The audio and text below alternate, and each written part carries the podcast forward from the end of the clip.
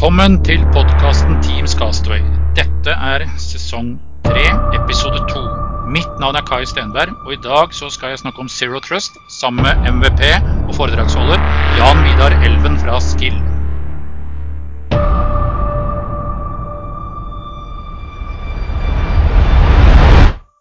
Velkommen, Jan Vidar. Hyggelig at du stakk innom. Du kan jo fortelle litt om deg selv. Tusen takk, Kai. Det er eh, kjempehyggelig å være gjest eh, hos deg. Eh, Jeg heter Jan Vidar Elven, jobber i Skill. Har jobba i Skill i over elleve år nå. Så, så jeg er godt god og varm i trøya, for å si det sånn. Det er stayerevne.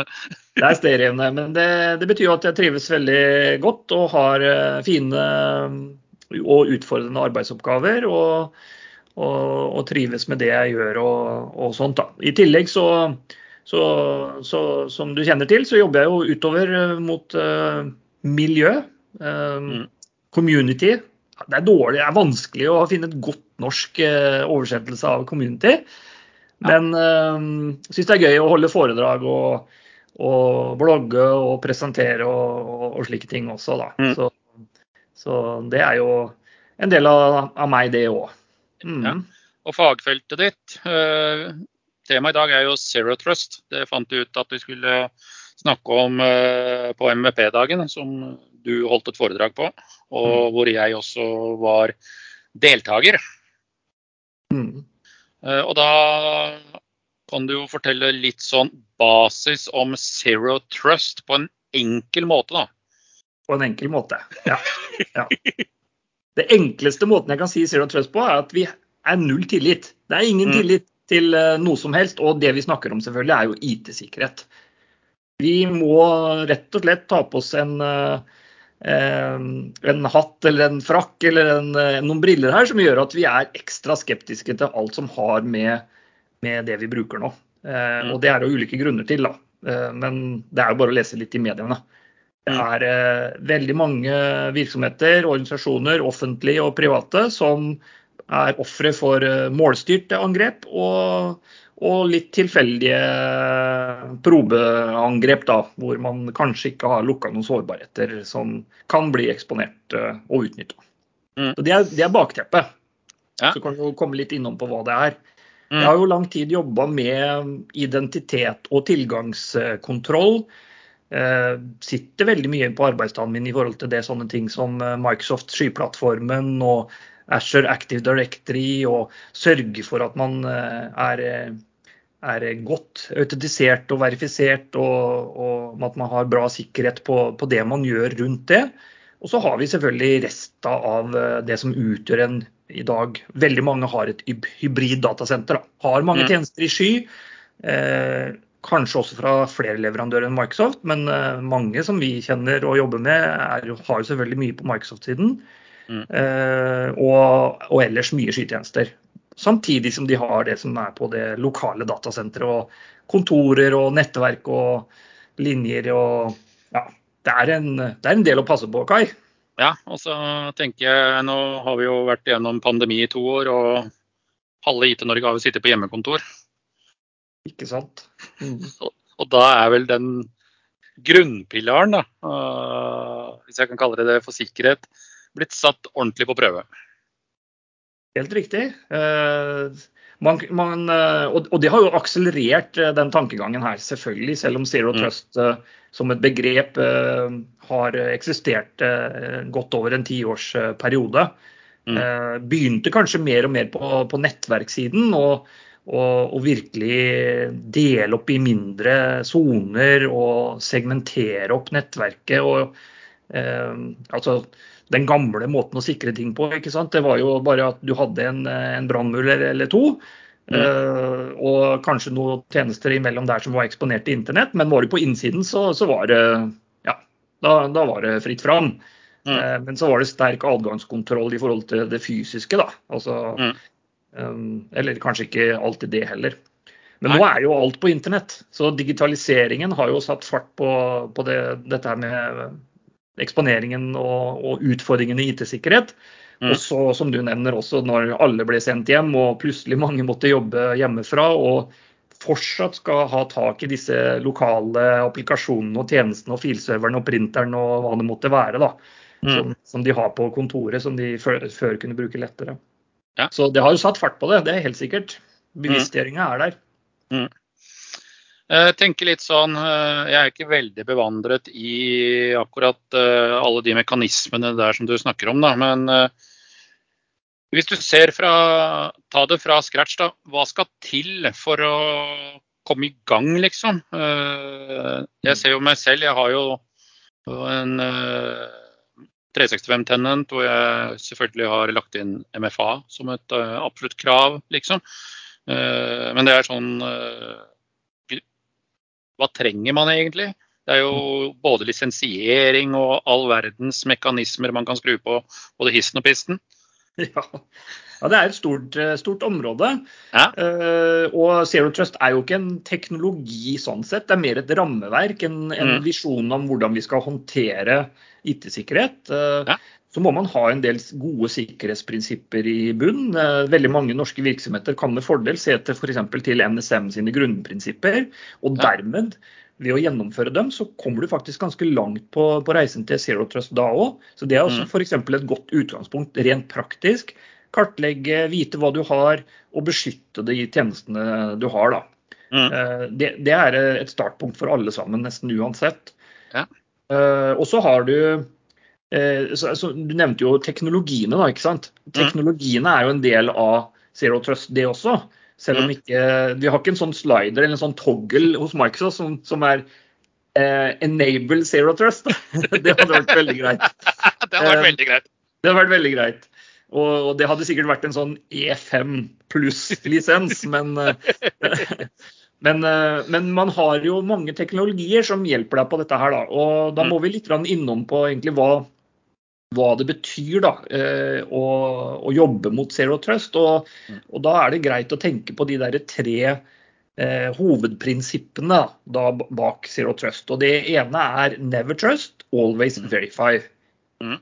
Kan vi snakke litt om den før vi tar, tar de to andre? Ja. Men never trust, always verify betyr jo at du skal verifisere enhver adgang, hver aksess eh, til, eh, til, eh, til løsningene dine. da. Mm. Enten det er data du skal ha inn på, eller en applikasjon du skal kjøre, eller få tilgang til infrastruktur og nettverk. Mm. Eh, eller rett og slett en vanlig pålogging. Og da var du jo akkurat inne på det med MFA f.eks. MFA ja. er en kjempefin måte å få til Verify. fordi da mm. Hvis noen har fått tak i brukeren av passordet ditt, så hjelper ikke det noe hvis eh, det er du som må være til stede for å verifisere den påloggingen.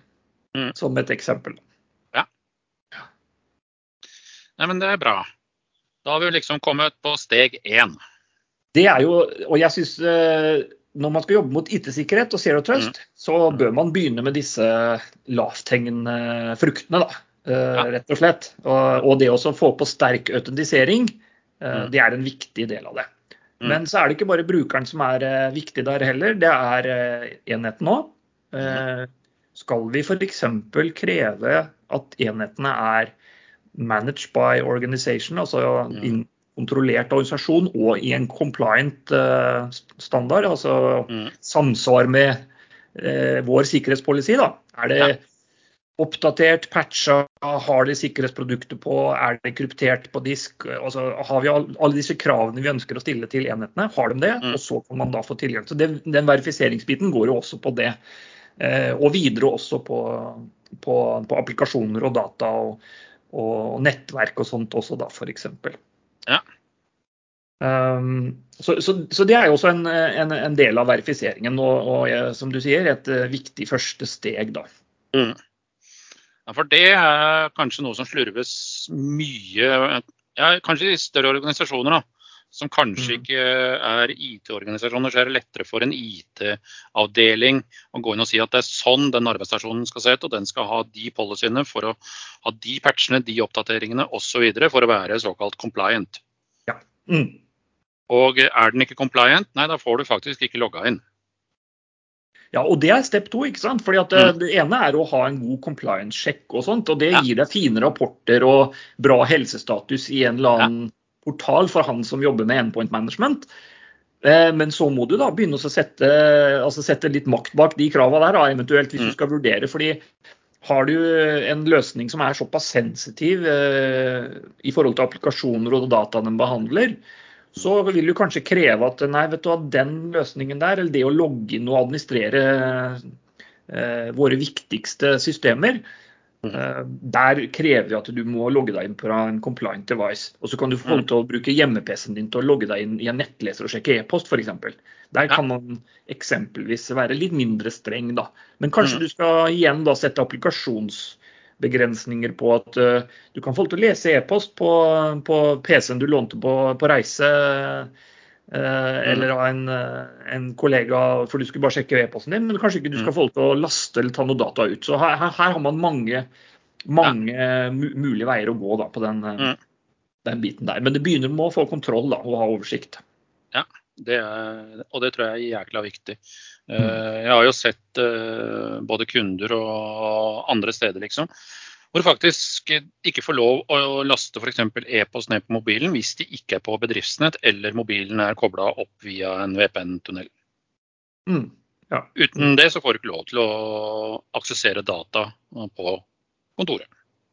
Nei. Eller fra kontoret, da.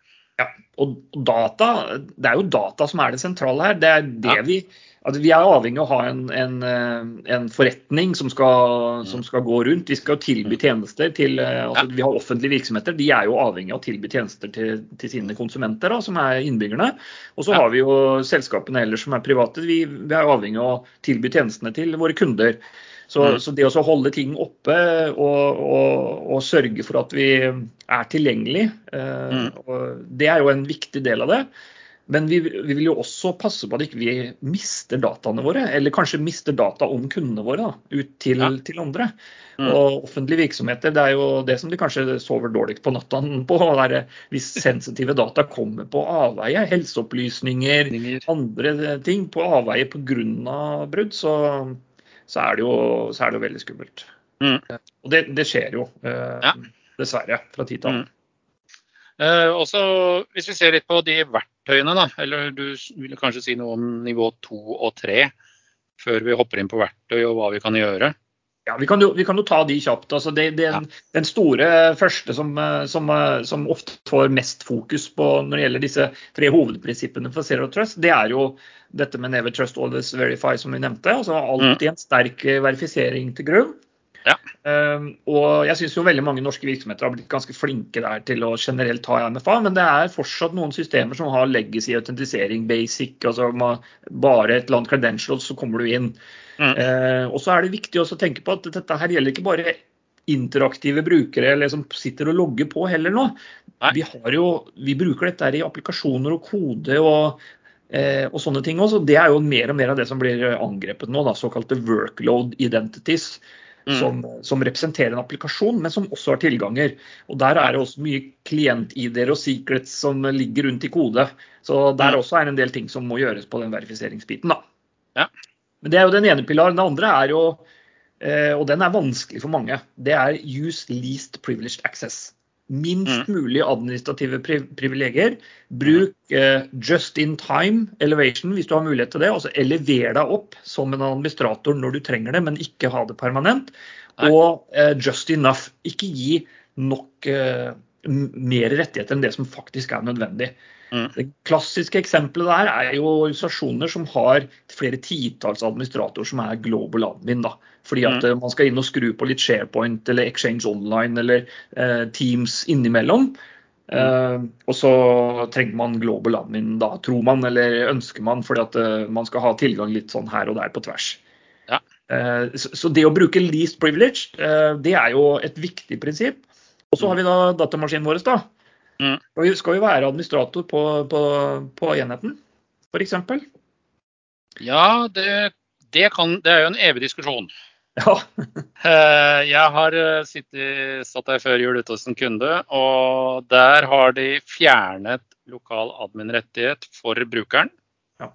Det vil jo si at uh, når noen da skulle sette opp uh, en applikasjon som faktisk krevde admin-tilgang, så måtte de ringe til IT, og så måtte det komme en mann joggende bort for å logge inn med en lokal admin-konto for å få tilgang.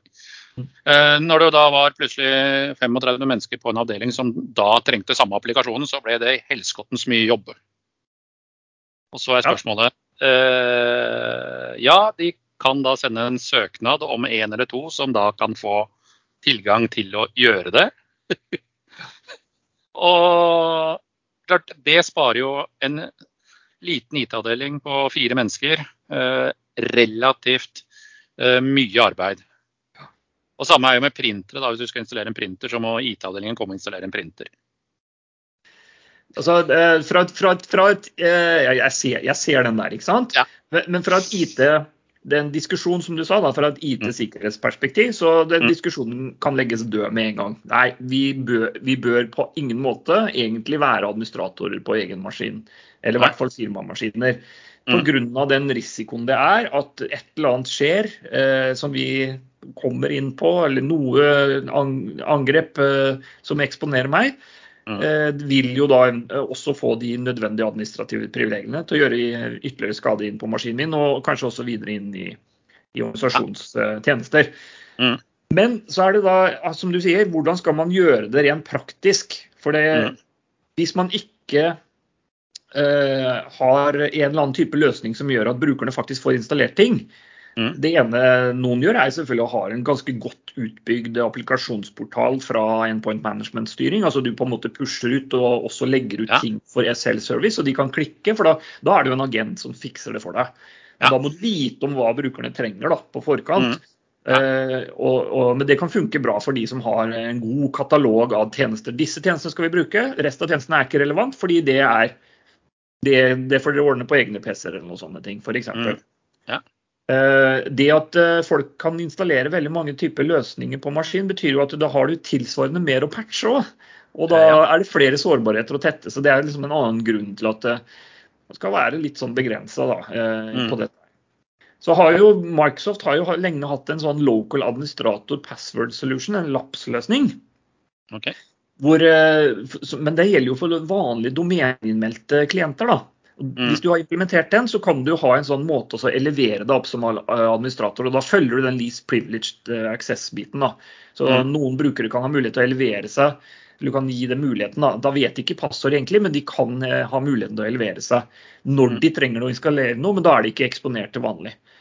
For skienetter så er det mange nå som har lagd det. finnes det både community-løsninger, vi har utvikla en sjøl i Skill. Vi har lagd en sånn type skybasert laps, hvor du kan få ut et administratorpassord via en power-app eller et eller annet som gjelder bare der og da. Så det finnes muligheter å gjøre sånne ting på, men man må være kreativ. og, øh, og, og og så må du selvfølgelig selge inn dette til organisasjonen hvorfor det er viktig. Da. Men, øh, men ja, det er en tøff sak, det der med least privilege access.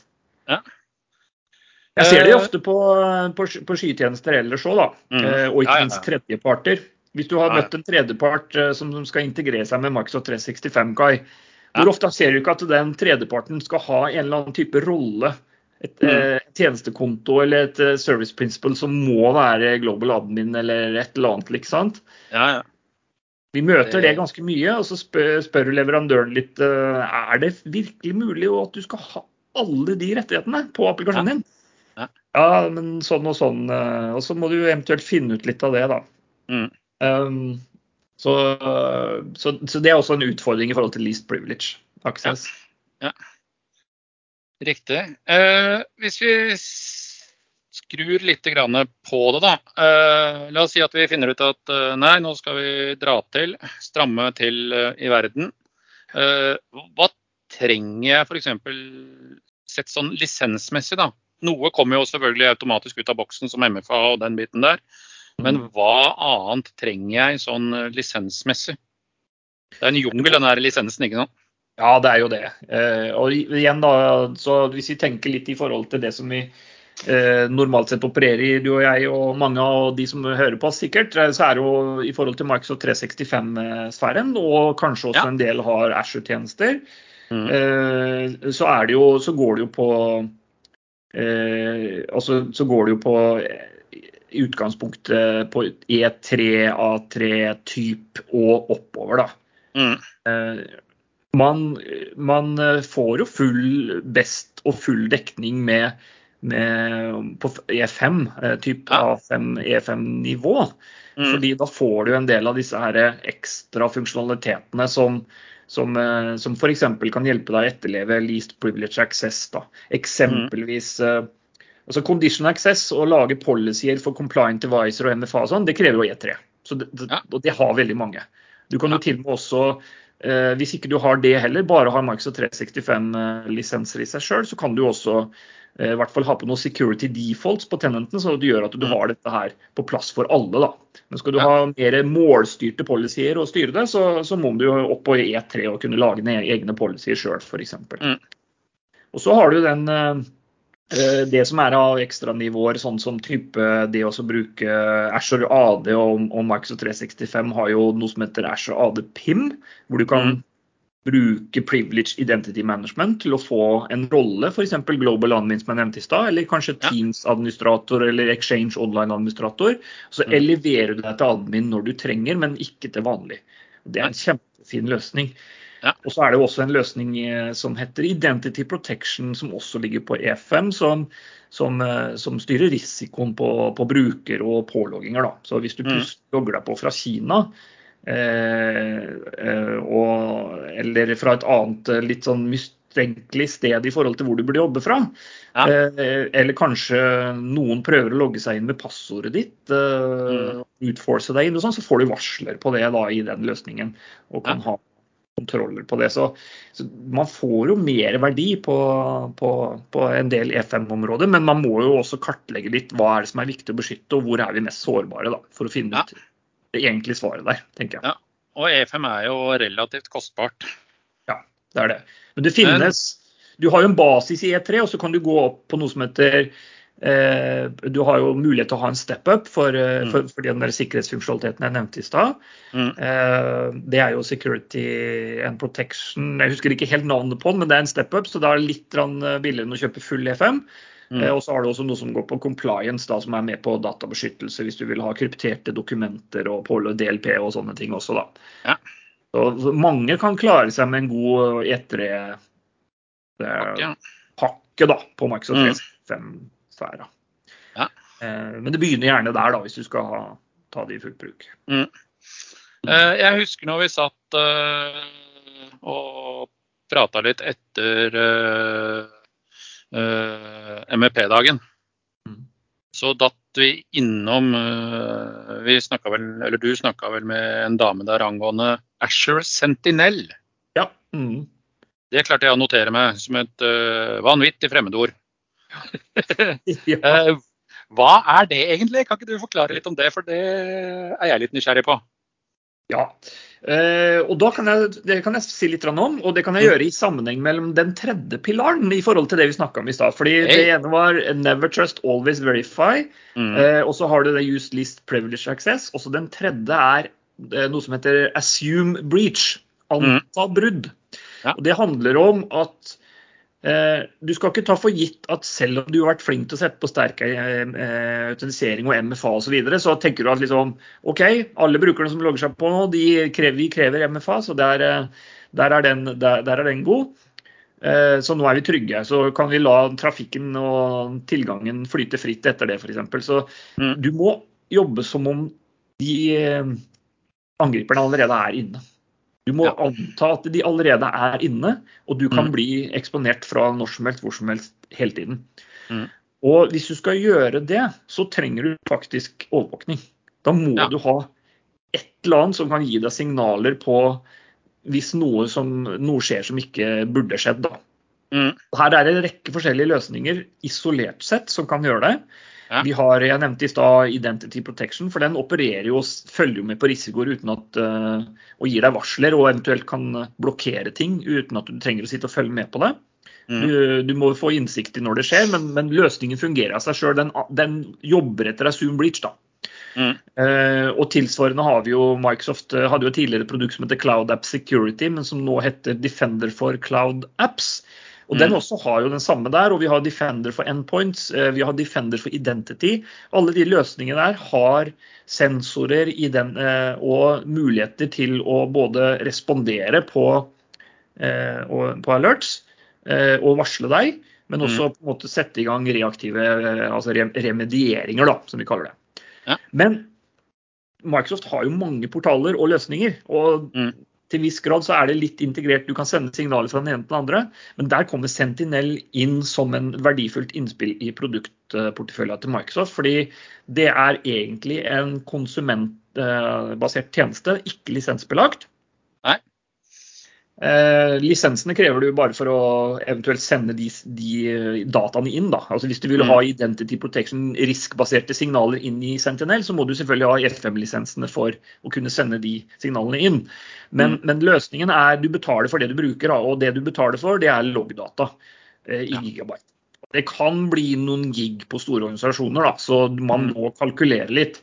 Men det som er fint med Sentinel, er at den abonnerer ikke bare på Asher AD-loggene og eh, Microsoft 365-loggene og sånt, men du kan også sette opp mot tredjeparter. Brannmuren din eh, og en rekke andre typer av eh, løsninger inn mot sentinella.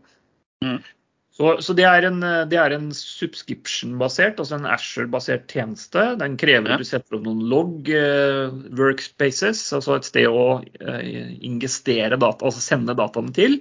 Mm. Eh, og så håndtere løsningen jeg, nå, nå ser ingen som hører på, hører på dette, her, men nå, nå holder jeg sånne anførselstegn i lufta. Ja. Eh, som sier at gjør, da gjør den det alt for deg etterpå. Ja, nå den produserer nå, nå er det jo sånn, og, og, og, det, nå, skal jeg, jeg name-droppe her. Mm. eh, og, og få noen uh, fram i lyset. Hvis du vil snakke mer i, i, om Sentinel og, og, og enda mer, så den som, eh, som, eh, som du refererte til i stad, det, det var nok eh, Sanna Diana Tomren. Eh, ja, eh, og hun kan en del om dette, her, så hvis du vil invitere henne som gjest, så kan dere sikkert prate om, eh, mer om Sentinel. Ja. Får jobbe mye med det.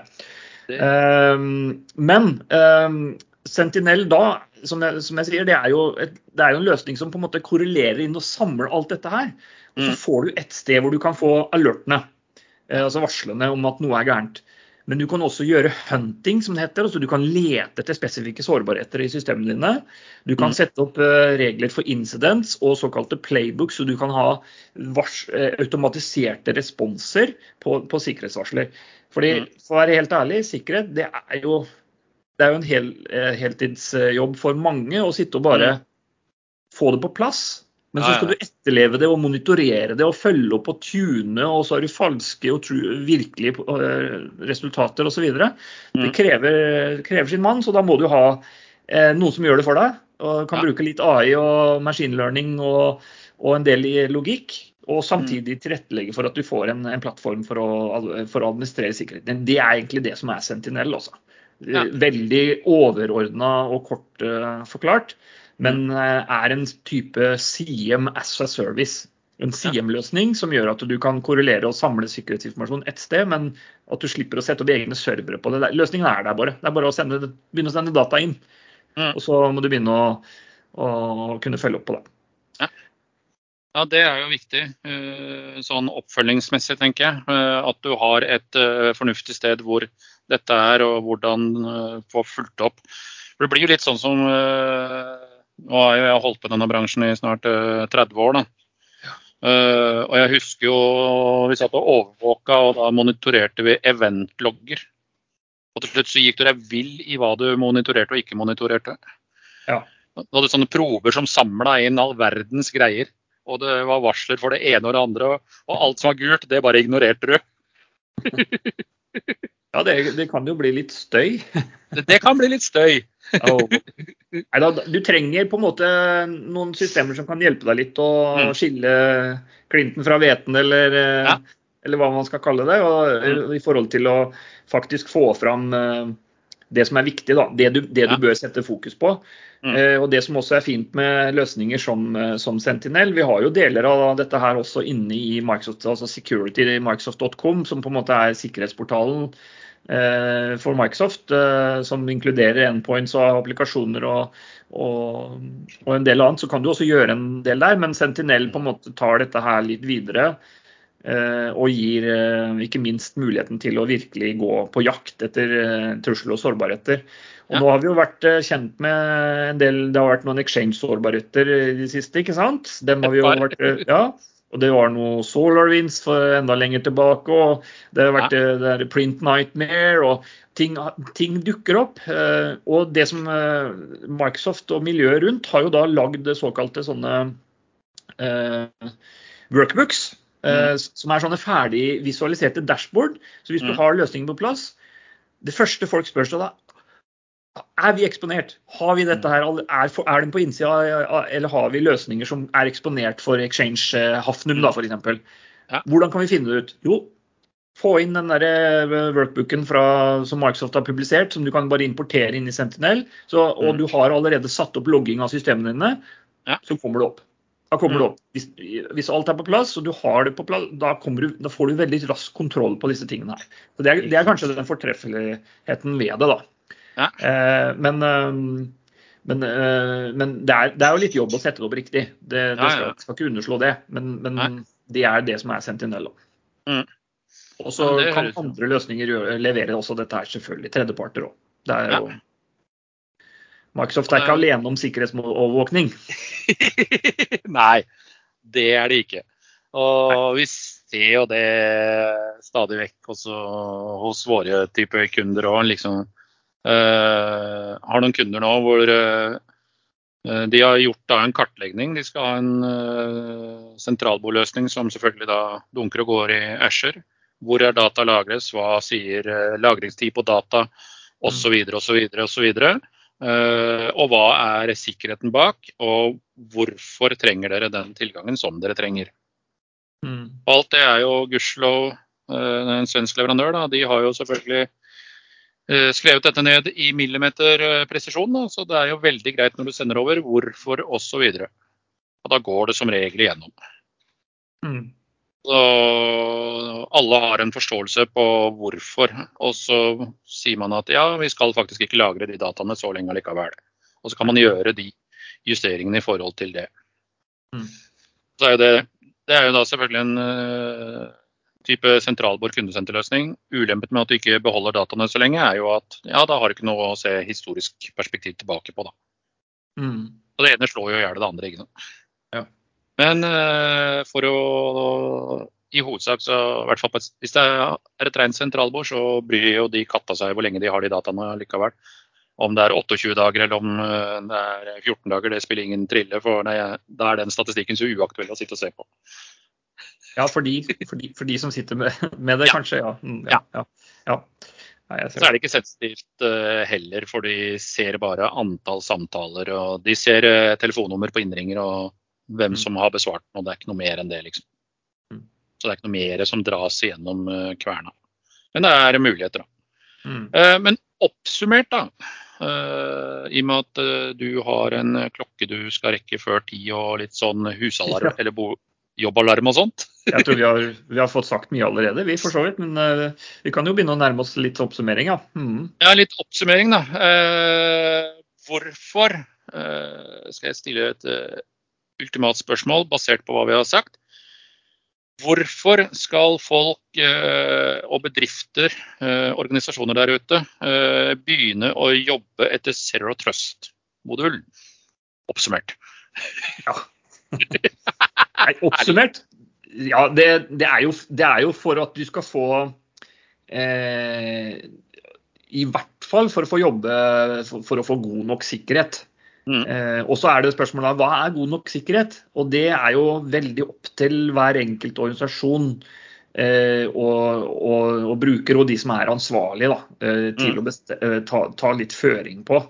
Um, og, og, da må man kartlegge. Man ha, du må ha, og dette er, nå er jeg litt tilbake til NSM og grunnprinsippene her, men en av de mm. første tingene man gjør, du må vite hva du har. Hvilke ja. brukere har du, og hvilke systemer og, og, og, sånt har du.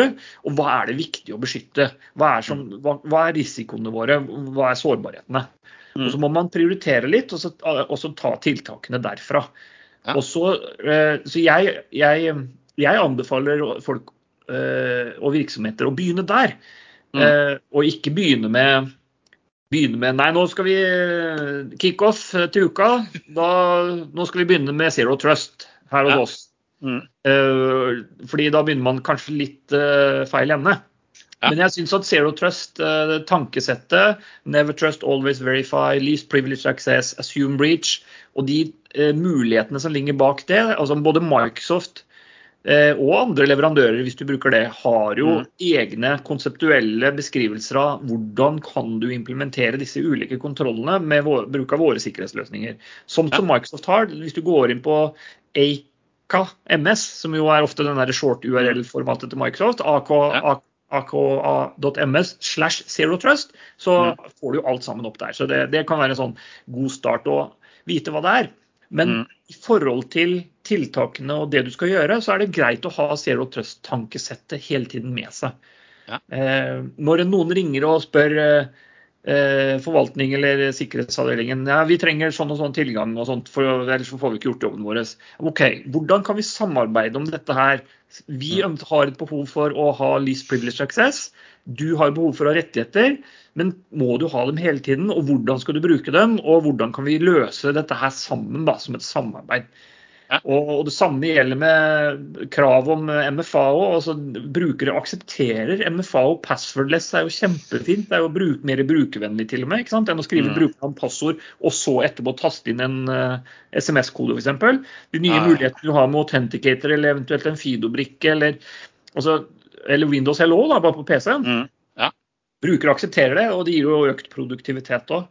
Ja. Eh, og jeg syns jo at eh, NSM hadde jo sjøl De har jo eh, en del podkaster sjøl i NSM. Eh, Mm. Korte og fine podkaster som er relevante temaer. Så, men eh, det var en der som sa all den der sikkerheten, vil ikke det begrense produktiviteten? Og hvis man implementerer det på feil måte, så, så kan det jo gjøre det.